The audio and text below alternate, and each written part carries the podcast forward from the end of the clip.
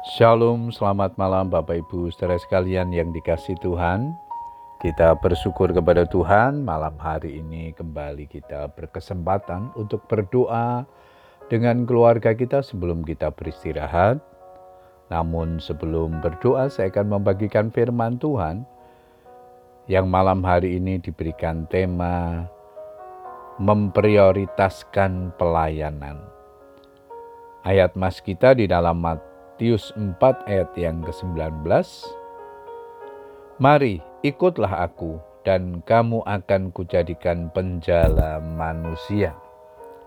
Orang yang menempatkan pelayanan bagi Tuhan sebagai prioritas dalam hidupnya dan melayani dia dengan sepenuh hati adalah orang-orang pilihan Tuhan. Sebab ada tertulis banyak orang yang dipanggil tetapi sedikit yang dipilih. Matius 22 ayat yang ke-14. Itu adalah tanda kedewasaan rohani, sebab kedewasaan rohani tidak pernah berhenti pada kepentingan diri sendiri, tetapi mau belajar memikul tanggung jawab, yaitu mengaplikasikan iman. Sebab jika iman itu tidak disertai perbuatan, maka iman itu pada hakikatnya adalah mati Yakobus 2 ayat 17. Tidak lagi hanya minta dilayani dan diberkati terus, tetapi sudah melangkah untuk memberi dan untuk melayani.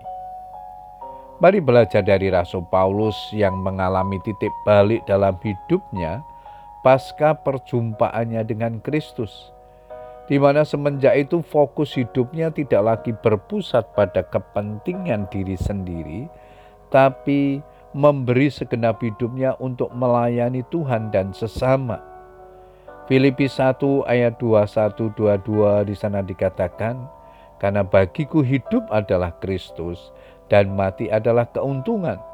Tetapi jika aku harus hidup di dunia itu, itu berarti bagiku bekerja memberi buah.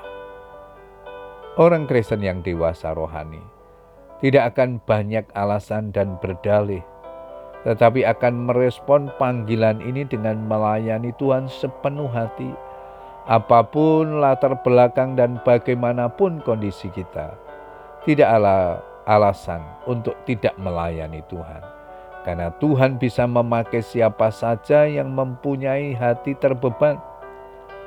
Umat yang telah kubentuk bagiku akan memberitakan kemasyuranku. Yesaya 43 ayat 21. Bapak Ibu Saudara sekalian, melayani Tuhan bukan berarti harus sepenuhnya berkecimpung di dalam gereja atau menjadi full timer. Yang penting apa pun profesi dan pekerjaan kita, hendaknya hati kita tertuju kepada pelayanan dan Tuhan Apa pun juga yang kamu perbuat, perbuatlah dengan segenap hatimu seperti untuk Tuhan dan bukan untuk manusia. Kolose 3 ayat 23. Namun jangan sampai kita nampaknya melayani Tuhan, tetapi hati kita hanya tertuju kepada bisnis. Lebih baik kita menjadi seorang pengusaha atau pebisnis yang memiliki hati melayani Tuhan, daripada seorang pelayan Tuhan yang berhati bisnis, di mana segala sesuatunya berorientasi kepada uang dan pertimbangan untung rugi. Pada saatnya, kita akan memberi pertanggungan jawab tentang diri kita sendiri kepada Allah.